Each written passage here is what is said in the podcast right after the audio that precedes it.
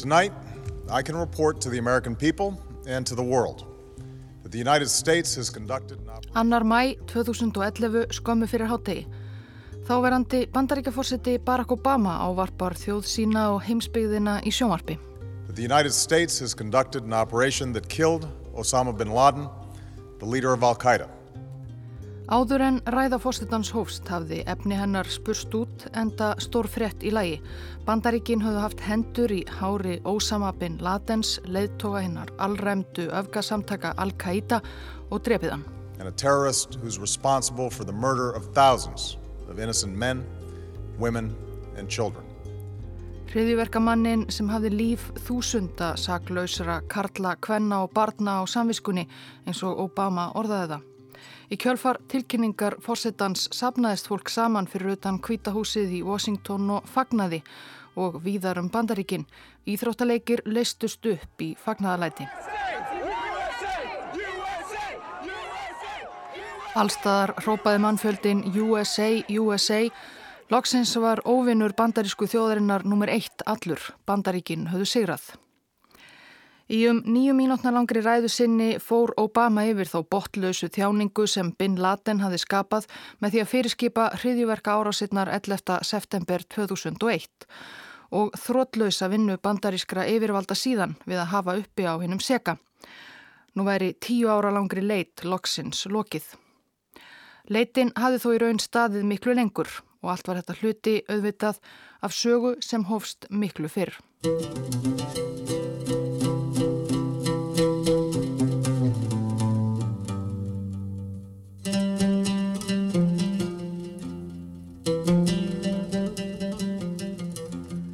Arabíuskægin á þriðja áratug síðustu aldar var ekki sérlega árænilegu staður. Lífsbaráttan hafi alltaf verið hörð þarna úti í eigðumörkinni og lítið um vatn og hvað þá aðrar auðlindir en sem komið var allavega. Á fyrstu áratugum 20. aldar hafði Arabíja svo logað í átökum millir ímissa konungsríkja, ættbálka og fylkinga.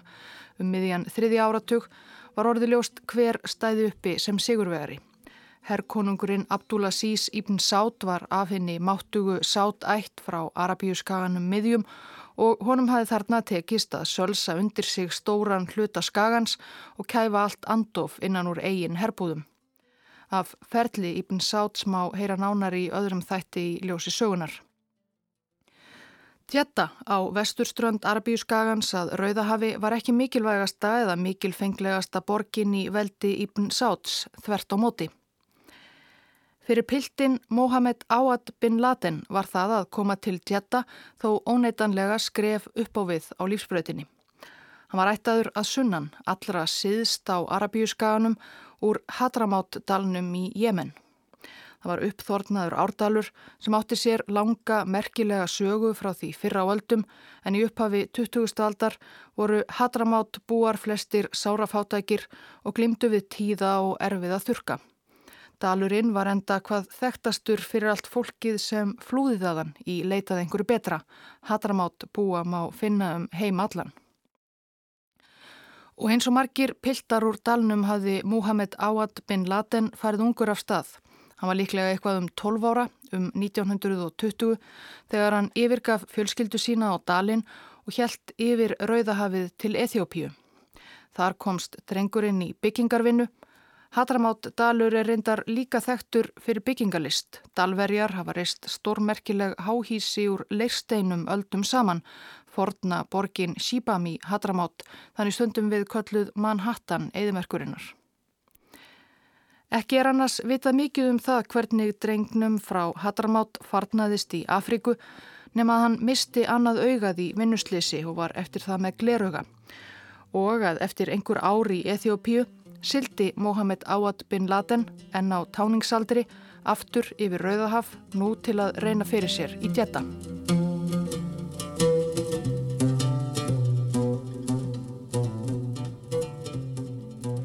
Í Hafnarborginni var lífsbaráttan líka ströggl.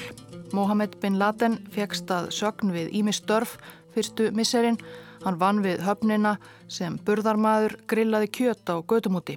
Það var alltaf einhver ströymur ferðamanna í gegnum borgina.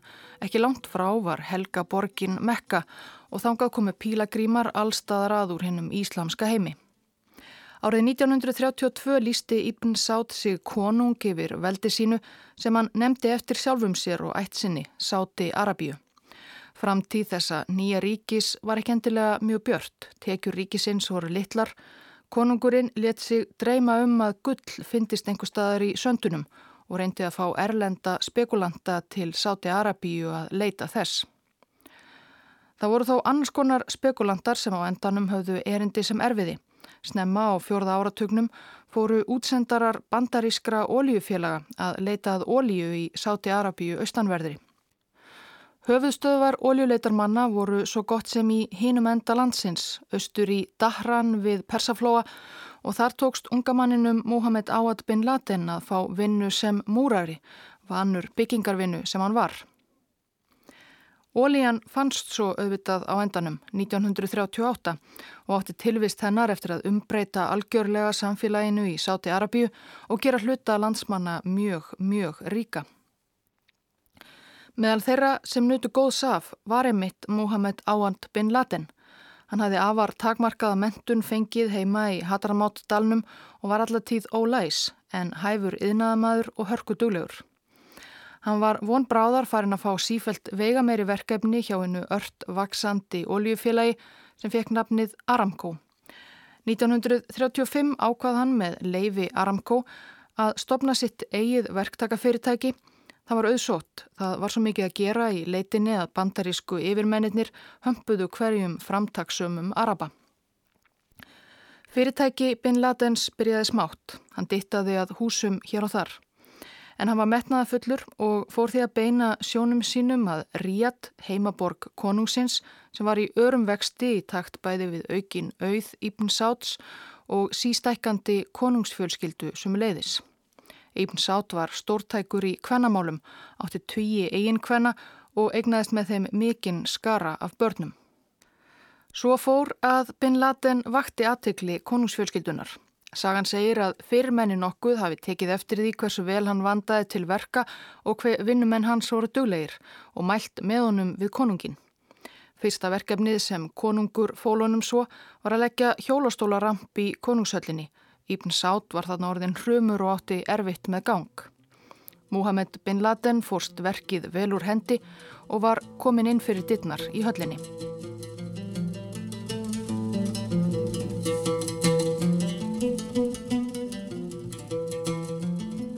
Á örfáum árum varð Mohamed bin Laden að eins konar konunglegum byggingameistara, byggði hallir og villur fyrir prinsa og prinsessur og ymsar ofinberar byggingar. Hann var einnig slingur í viðskiptum. Fyrirtækið sem hafi byrjað sem hann og nokkrin menn varð þannig að stærsta verktakafyrirtæki í Sáti Arabíu von Bráðar og einnig það auðugasta.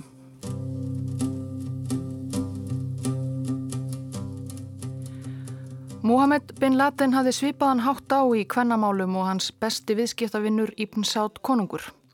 Báðir töldust þeir stráng trúaðir og samkvæmt íslömskum lögum með að karlareiga fjórar eiginkonur en ekki fleiri. Þeir komust hjá þessari takmarkandi reglu með því að vera sífælt að skilja við konur í takt við að þeir giftust nýjum, bara aldrei fleiri en fjórar í einu. Skilnaður er enda einfalt máli í Íslam, allavega fyrir karlmenn sem þurfa í raun bara að lýsa því yfir að þeir hyggist skilja við konu sína. Samkvæmt ættartali Bin Laden fjölskyldunar egnaðist Mohamed Awad Bin Laden þannig 54 börn á æfinni með 22 konum.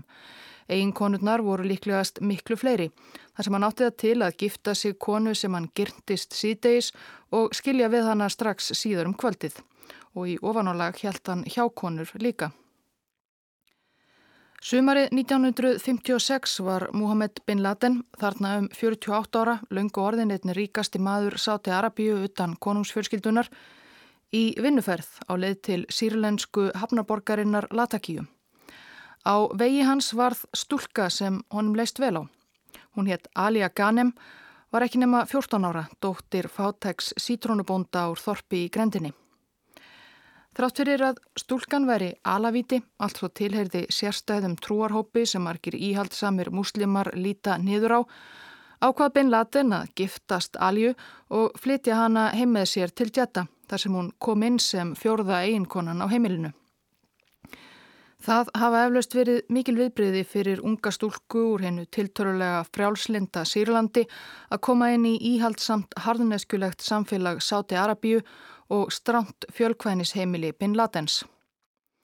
Hjónaband hennar og auðjöfur sinns varði lengur en eina kvöldstund en var þó ekki langlýft.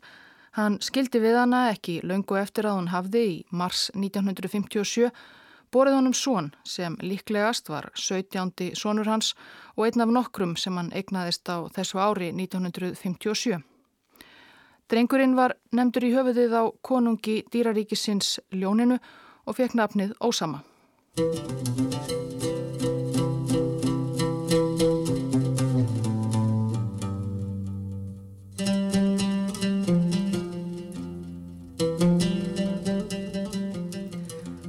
Mohamed Awad bin Laden var ólíkur þeim í sátísku konungsfjölskyldunni á þann veg að hann kunni aldrei við að flagga ríkidæmi sínu, jável eftir að fyrirtæki hans fór að velta miljónum og hann var orðininn ríkasti maður sáti Harabíu. Hann var þekktur fyrir að vila ekki fyrir sér að strita við hlið verkamanna sinna í Eidimörkusólinni og börn hans ólust í mörgu upp í látlausu og í raun frekar hrörlegu húsi í útkverfi djetta. Það voru mæðurnar, eiginkonurnar hverju sinni sem reðu þar ríkjum, hver sáum sín börn. Fadurinn var mikið í burtu við vinnu og almennt skipti hann sér lítið af uppeldi barna sinna. Fyrir utan eldstu sinina höfðu flest börnin lítið af föður sínum að segja. Þar á meðal var Ósama, svonur hinnar ungu bondadóttur frá Sýrlandi Aliu Ganem sem sá föður sinn aðeins nokkrum sinnum um æfina. Ég minnist þess að hafa farið með fyrir hann ljóð og hann gaf mér hundra ríala sem var há upphæð á þessum tíma. Sem fullorðin maður talaði ósama jafnanum föður sinn með stolti yfir því sem hann hafi áorkað á lífsleiðinni að hafa brotist úr fátækt í Hadramáttdalnum og komist til ævintýralegra metorða hafi verið útlutað að gera við þrjár helgustu byggingar múslima, moskuna miklu í Mekku, mosku spámannsins í Medinu og Al-Aqsa moskuna á musterishæðinni í Jérúsalem. En Ósama þekkti föður sinn líklegast betur af afspurn en beinum kinnum. Eitt vissi hann af ein raun og það var að hann var strángur maður. Þá sjaldan að Mohamed bin Laden hitti börn sín, síndi hann þeim ekki mikla hlýju. Ómar bin Laden, einna fjölmörgum sónum Ósama sjálfs, myndist þess í æfuminningum sínum að fadir hans hefði sagt honum frá einu atviki úr bænsku sinni. Ég man eftir því þegar fadir minn kallaði síni sína til fundar af einhverjum ástæðum og þá var hann með stránga reglu. Alltaf þegar hann hitti börnin sín áttu þau að raða sér upp í þráðbyrna röð eftir hæð, ekki aldrei. Þennan dag letu tveir eldir bræðu mínir sem voru hær en ég, mig standa á millið sín svo að ég stóðar og þagði. En faðin minn tók eftir þessu, varð reyður, stilti sér upp fyrir fram að mig og sló mig utanundir, fyrir var að löst. Heiftin var svo mikil að ég datt næstum aftur fyrir mig. Ég gleymi aldrei sásaukanum eftir þennan kinnhest og ég ber biturleikan enn með mér í hjarta og í andliti. Samband ósama við auðjöfurinn föður sinn varð ekki nánara þegar hann skildi við móður hans þegar drengurinn var fjögura eða fimm ára. Mohamed Awad bin Laden hafði þann háttin gerðnan á að hann útvegaði fyrverandi eiginkonum sínum nýja eiginmenn úr röðum starfsmanna verktakafyrirtæki síns. Þannig gaf hann Alju, sem var enn ekki nema svona 19 ára tvítug, Mohamed Al-Attas sem var miðstjórnandi í fyrirtækinu og af fínum mættum. Hún var heppin Sumar fengu bara að giftast bílstjóra. Alja og sonur hennar fluttu svo til Al-Attas í þægilegt einbillishús í sama útkverfi djetta og Bin Laden slektið bjó. Af flestum sem hann þekktu að dæma var ósama hinn ungi þægur og hlétrægur drengur ákaflega hændur að móður sinni. Móður hans talar ætið velum þennan elsta svonsinn þó hún fordæmi þann veg ábeldis og dauða sem hann valdi síðar á lífsleðinni. Alja eignaðist síðar þrjá sinni til viðbótar og eina dóttur með miðstjórnandunum Al-Attas sem reyndist henni tryggari einmaður en nafni hans Bin Laden. Hann var góður drengur og hann elskaði mig svo mikið. Þetta sagði Alja Ganem um svon sinn við Martin Tjúlof, bladamann Guardian 2018 í einu af sárafáum viðtölum sem hún hefur veitt um æfina. Fáir ættingjar Ósama bin Laden hafa viljað tjá sig mikið um hann eftir atbyrði ársins 2001. Hann var hreitn og beitt, mjög duglegur í skólanum. Honum þótti gaman að læra. Mohamed bin Laden var umhugað um að sínir hans fengu góða mentun, nokkuð sem hann sjálfur fekk aldrei. Marga síni sendi hann utan í nám í vestræna skóla í Líbanon En Ósama var ekki þar á meðal. Hann hlaut sína grunnskólamentun heima í Djetta í fínasta skóla borgarinnar þó með öðrum svonum auðkýfinga og prinsa. Á sumrin reyndar var hann svo mikið hjá móðurfjölskyldu sinni við strönd miðjararhafsins í Sýrlandi.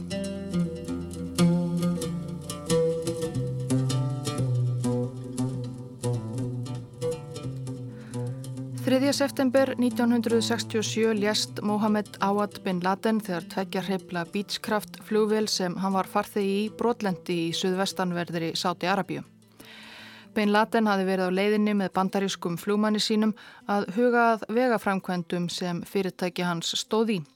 Hann var líklega 58 ára gamall eða 59 og let eftir sig gríðarleg auðæfi og mikinn fjölda barna. Elsti sonurinn Salem bin Laden, þarna 21 ás, var kallaður heim frá Lundunum þar sem hann var í námi og gældi við rokkstjörnu drauma til að taka við fjölskyldufyrirtækinu. Á yngri sinni hafði döiði föðurins minni áhrif, ósama, nýju ára, helt og réttur áfram námi sínu í fína drengjaskólanum í djetta. Skólinn var að vestrætni fyrirmynd, nefnendur klættust ekki sátískum kuplum heldur buksum og jökkum, skólabúningum eins og í breskum og bandarískum engaskólum. Líkt og með flest allt í sátísku samfélagi spilaði trúin þó mikilvægt hlutverk í skóladeginum. Nefnendur lærðu guðfræði og báðust fyrir oft á dag að íslumskum sið en trúin var þó ekki þungamiðjan í náminum. Í bóksinni um Bin Laden fjölskylduna leiðir bandaríski bladamæðurinn Steve Cole líkum að því að tímin í engaskólanum í Jeddah hafi haft mikil áhrif á þá leið sem Ósama fór síðar á lífsleiðinni. Þegar hann var í áttunda eða níunda bekk, 13-14 ára, bauðst Ósama að taka þátt í eins konar lesring eftir skóla. Það var leikvömmikennar í skólans sem stóð fyrir honum.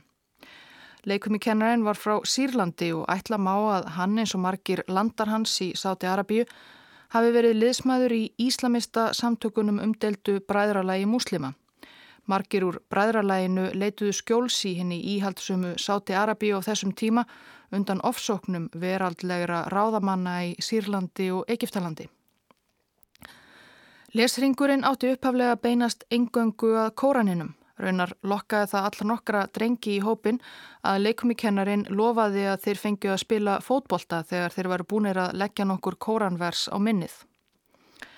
En þegar á leiðu varð lítið um bolta og umræður í herbergi sírlenska leikumikennarans fóru að snúast um meira en bara að leggja á minnið vers.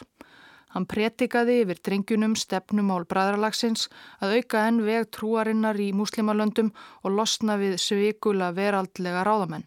Hann saði piltunum krassandi óbeldisfullar sögur af heilugum stríðsmönnum. Ekki leið á löngu þar til drengirnir í lesringnum voru farnir að rýfast um trúmál við aðra pilta á skólalóðinni og láta sér vaksa skegg. Ósama var þar á meðal, þó reyndar hafi skeggvöxtur hans vist ekki verið upp á marga fiska svona á táningsárunum. Hann hætti líka að hlusta á tónlist og horfa á kábauðmyndir sem áður hafðu verið í uppáhaldi. Hann fór að spila fótbolta í síðbuksum þar eða stuttbuksur voru ósýðlegar. Hann fór að byggjast fyrir sjösinnum á dag, hafandi áðurlagst á bæn fimmsinnum á dag eins og er algengast í hinnum íslamska heimi og fastaði svo tvo daga vikunar eins og Múhameð spámaður mun hafa gert. Fólkið í háskólanum breytti honum. Hann varð annar maður. Hann var góður drengur þar til hann hitti fólk sem heila þóðan þegar hann var um tvítugt. Sértrúarsöfnuður má segja. Móðir Ósama, hér aftur úr viðtalinu í Guardian 2018, vildi reyndar meina að það sem á eftir kom hefði allt verið háskóla árum sonarins að kenna, en grunnur var greinilega lagður fyrr. Ég sagði honum að halda sig frá þessu fólki og hann viðurkendi aldrei hvað hann væri að gera því hann elskaði mig svo mikið. Eftir útskrift úr drengjaskólanum 1976 hóf Ósama 19 ára nám við Háskóla Abdulaziz konungs í Djeta. Nokkrum sögum fyrir að því nákamlega hvað hann las. Stundum er hann saður hafa útskrifast úr byggingaverkfræði. Vissulega geldi hann eitt sinn við frama innan fjölskyldufyrirtækisins. Aðri segja að hann hafi útskrifast með gráðu í ofenberi stjórnun. Aðrir að hann hafi alls ekki útskrifast. Kanski er það sennilegast því öllum ber saman um að þarna hafi trúin átt orðið langstærstan sess í lífi Ósama bin Ladens.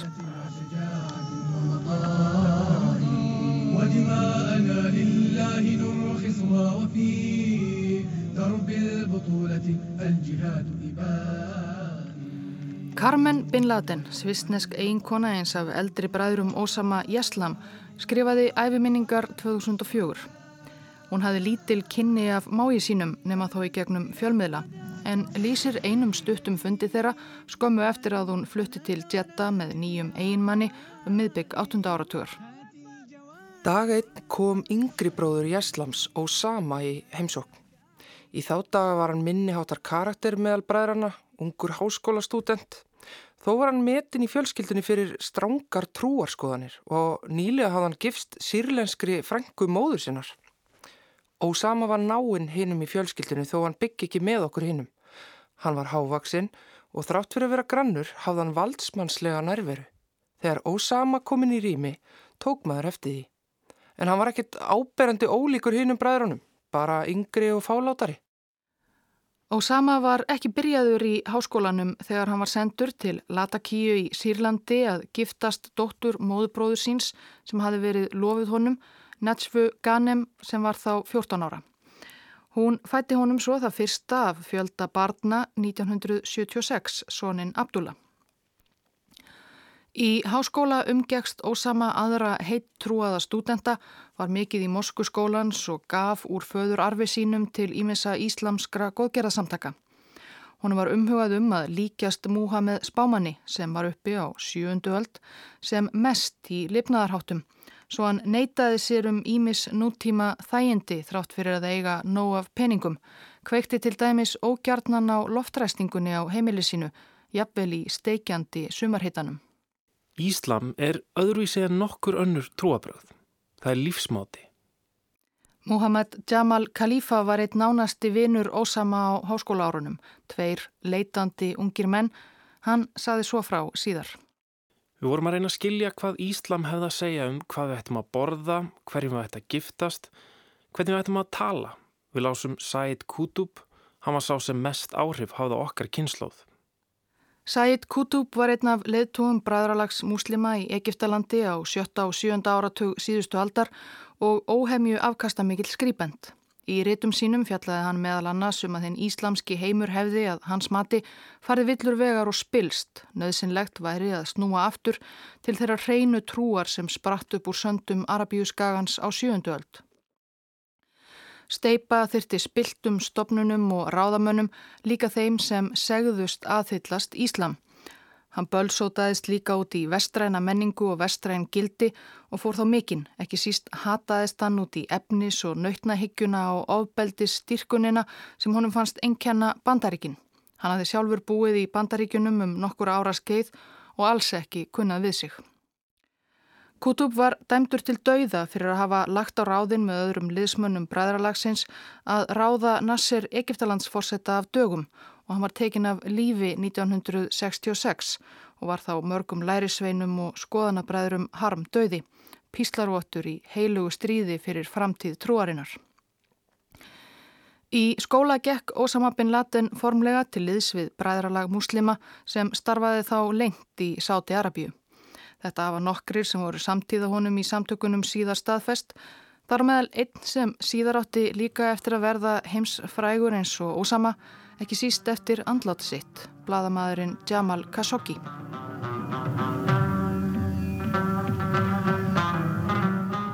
By all accounts, the Soviet takeover was meticulously planned and skillfully executed. But it has not been clear just how the Soviets were able to set up their coup without the Afghans realizing what they had in mind. Á aðfangadag 1979 réðust Sovjetríkin inn í Granland sitt Afganistan til að koma til aðstóðar afgönskum kommunistum sem reynt höfðu völdum árið áður en mætt öflugri ansbyrnu annara fylkinga Afgana sem vildu halda sínu hefbundna þjóðfélagsfyrirkomulagi. Sovjetmenn mættu einnig öflugri ansbyrnu í Afganistan þrátt fyrir að ganga hart fram. Markir Afganar voru heittrúaðir muslimar og kærðu sér lítið um kommunisma og trúleysi hans kendu sig við trú sína og voru kallaðir Mujahedin, heilagir stríðsmenn.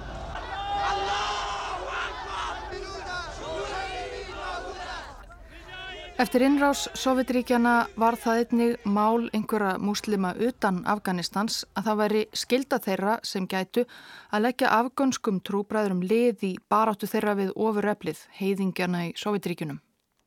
Meðal íslamskra guðfræðinga sem gaf út yfirlýsingar þess efnis var palestínumadur að nafni Abdullah Assam sem sagði það skildu að heia heilagt stríð, jihad, gegn óvinnum Íslams bæði í Palestínu og Afganistan.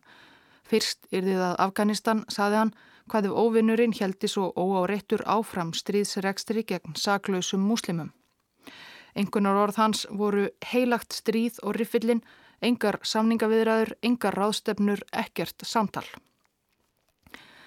Assam þessi var fættur í Djenín á Vesturbakkanum en hafði ferðast víða um hinn íslamska heim og var með doktorskráðu frá hennum annálaða Al-Azhar háskóla í Kæró. Eftir doktorinn hafði hann svo kent og predikað í nokkur ára og ofanverðum 8. áratug við háskóla Abdulaziz konungs í Djetta í Sáti Arabíu. Þar hafði hann meðal annars kynst heitt trúðum nefnanda af auðugum ættum sem satt margar predikanir hans Osama bin Laden. Assam let ekki yfirlýsingar næja. Árið 1981 flutti hann til Pakistan, nánar tiltekið til borgarinnar Peshawar í norð-vestur Pakistan rétt við landamærin að Afganistan. Í borginni voru margir flottamenn frá átökunum og hún var jáfnframt eins konar dyrað stríðinu handan landamærana.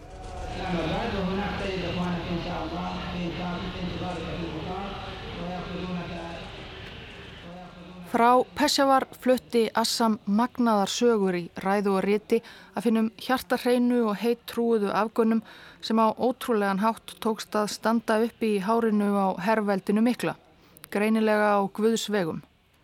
Hann ferðaðist reglulega aftur til Djetta og fekk þá gerðnan að gista á heimili nefnda sem var þarna orðin einn af hans diggustu fylgismönnum, Ósama bin Laden.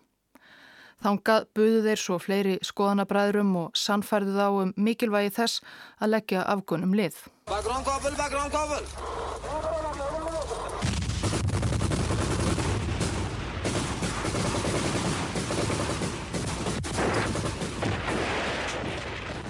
Þegar innrásin í Afganistan hófst var ég ösku yllur og lagði strax af staðangað.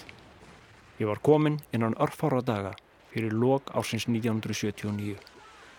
Svo sagði Bin Laden frá í fyrsta viðtalinu sem hann veitti vestrænum bladamanni breytanum Robert Fisk á Independent. Viðtalið var tekið árið 1993, nokkru eftir Afganistan árin. Bin Laden bjóð þá í Khartoum, höfuborg Sútans og Fisk sálugi lísti honum í yngangi viðtalsins sem sátískum aðtánumanni. Það saðist hann alltjönd vera þarna. Samferðamenn Bin Ladens í djetta um þetta leiti hafa þó dreyið þessa dramatísku frásögn aðtapnamann sinns í Eva. Einn af hans nánustu vinnum í háskóla segir að fyrir árásina 1979 hafi Bin Laden ekki einu sinni vitað að Afganistan væri til. Hvað þá að hann hafi rókið ángað strax í desember 79. Hann fór í raun og veru ekki fyrir en árum síðar. En Dagatan hýst Assam læriföður sinn í djetta. Annar kostur við Bin Laden í augum Assams var hversu vel tengdur hann var inn í hæstu lög sátísks samfélags.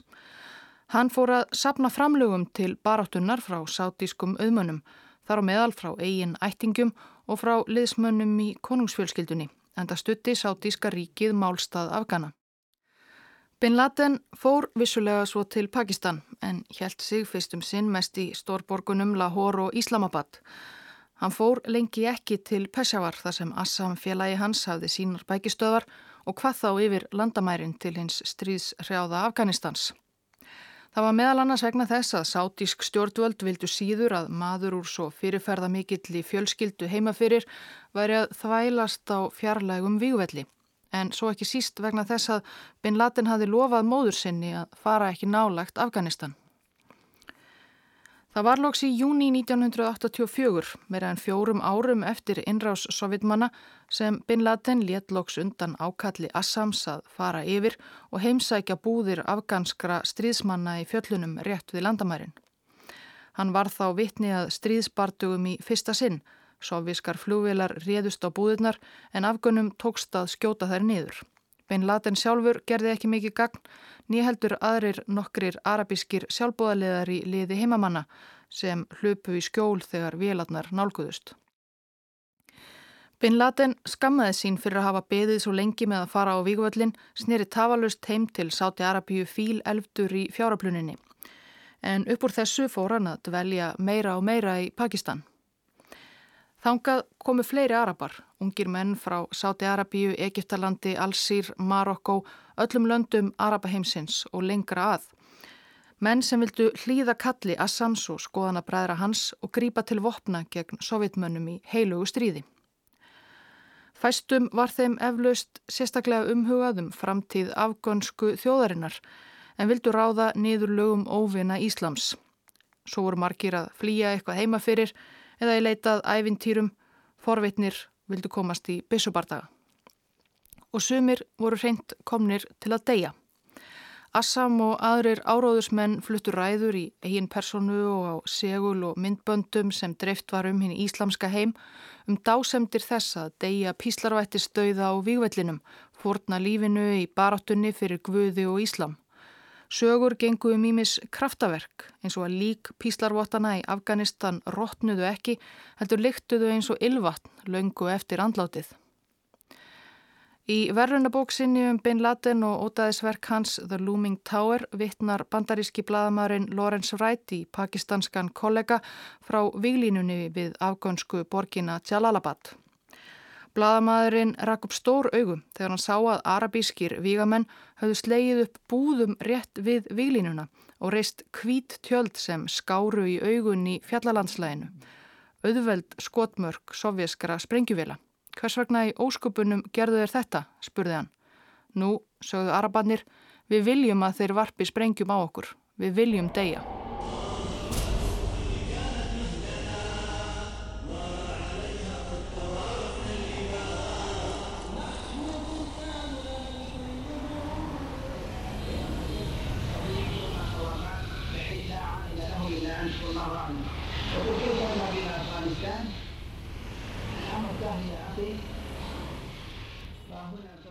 Fjáröflun Bin Ladens meðal sátískra auðmanna gerði honum og Assam klift að auðvelda sjálfbóðaliðum ferðalagi til Peshawar, halda þar út í gistihúsum og borga mönnum laun þegar á staðin var komið.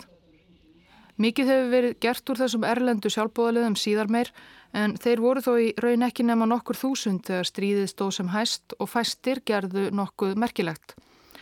Margir þeirra komist aldrei lengra en til Peshawar og ef þeir komist í aksjón var lítið gagn í þeim en það voru þeir, þótt ekki skorti vígahug kannski, flestir án nokkura reynslu í hernaði og töluðu ekki mál heimamanna. Margir voru bara táningar og margir komu ekki á staðin fyrir en stríðinu var í raun lokið. Það voru afganar sjálfur sem sigruðu Sovjetríkin.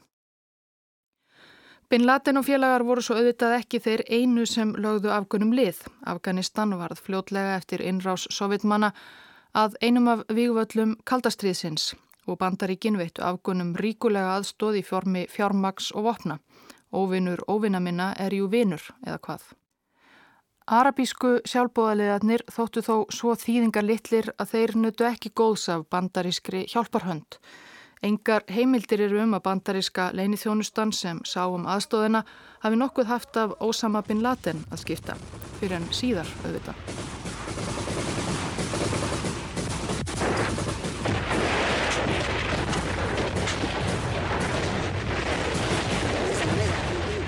Stríðið í Afganistan er stundum kallað Vietnám Sovjetiríkjana vegna þess hver mjög það dróst á langin og dró mátt úr hennu þá þegar veikburða stórveldi.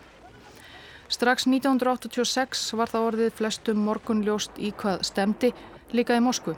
Mikhail Gorbachev fór raunar að mæla fyrir því að herlið erði dreyið tilbaka ekki laungu eftir að hann varð aðalrittari Sovjetiríkjana 85.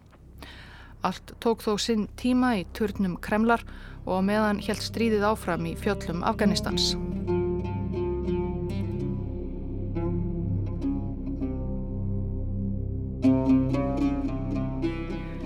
Fyrstum sinn vakti Bin Laden ekki mikla aðtigli meðar helstu Araba í Peshawar nema mögulega því hann var mjög hávaksinn og átti peninga. Assam var lengst af aðal maðurinn og Bin Laden let lítið að sér kveða við hliðans. Hann var með lítið bros á vörunum og mjúkar hendur. Maður held maður væri að taka í hendina á stúlku. Svo lísti einn reyndur pakistanskur vigamæður Bin Laden. Annar, sírlendingur í Pakistan, sagði Hann var alveg óþektur því ég hitt hann. Við vorum í bænasal í gistihúsi, fólk bað hann að taka til máls. Svo fór hann að tala um hesta. Hann sagði að elskimaður hest hlýði hann manni. Það var hann að hugsa um. Hesta. En eftir því sem á leið fór hægláti hávaksni maðurinn með djúbu vasana að láta meira til sín taka á, vegur hans að aukast. Hann var heldur ekki lengur alltaf sammála Assam, fór að fara sínar eigin leiðir.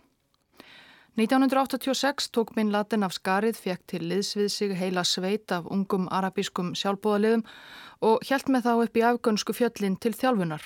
Hann gróf gangnakerfi og hella fyrir menn sína inn í fjálslíðina með vinnuvélum frá fjölskyldufyrirtækinu í Sáti Arabíu. Búðirnar nefndi hann ljónagrinnið. Markmiðið var ekki endilega að leika neitt sérstatt hlutverk í því sem eftir var af stríðinu við Sovjetríkin, heldur kannski heldur að vera tilbúin með hersveit fyrir næstu orustu í stríðinu um Íslam. Þeir komist þó einu sinni í alvöru bardaga í apríl 87 þegar arbunum í ljónagreininu lendi saman við hermenn Sovjetríkjana á afgönsku kommunistastjórnarinnar. Bartugum laug með því að sovjetmenn hörfuðu enda voru þeir svo sem að týja sig til heimferðar hvortið er en arbunum þótti þeir rækilega að hafa sannað sig. Bin Laden sjálfur særðist á fæti og komst yfir Kalasnikov af drefnum sovjethermanni Kalasnikov sem hann helt svo mikið upp á.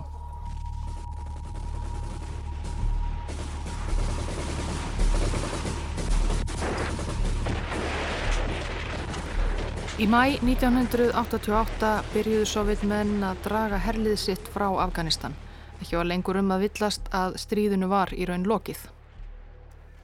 11. ágúst 88 komu Osama bin Laden, Abdullah Assam og fleiri úr framvarðasveit arabísku sjálfbóðalegana saman í Peshawar. Þetta var leinilegur en formlegur fundur til er fundargerð sem einn fundarmanna hripaði niður á meðan umræðum stóð. En það var aðalefni fundarins mikilvægt. Sovjetmenn voru á förum, Afganistan stóð á krosskutum. Flestir vildu fundarmenn halda baráttunni heilaga stríðinu áfram. Litu jú á Afganistan sem bara fyrsta vývöldin í umfangsmeira stríði við óvinni Íslams. Og þeir voru með menn og þeir hafðu fjármagn. En hvað tók nú við, hvert áttu þeir að stefna, sameinaðir eða sundraðir? Ósama bin Laden tók frumkvæði á fundinum, stóð ekki lengur þögull í skugganum. Hann vissi hvað hann vildi og það varð hans stefna sem varð ofan á á þessum fundi, sem varð sögulegur þó fáir kannski áttuðu sig á því þá. He applauded the bombings of U.S. bases in Saudi Arabia. American forces have now gone to a higher level of alert because he's threatened new attacks on U.S.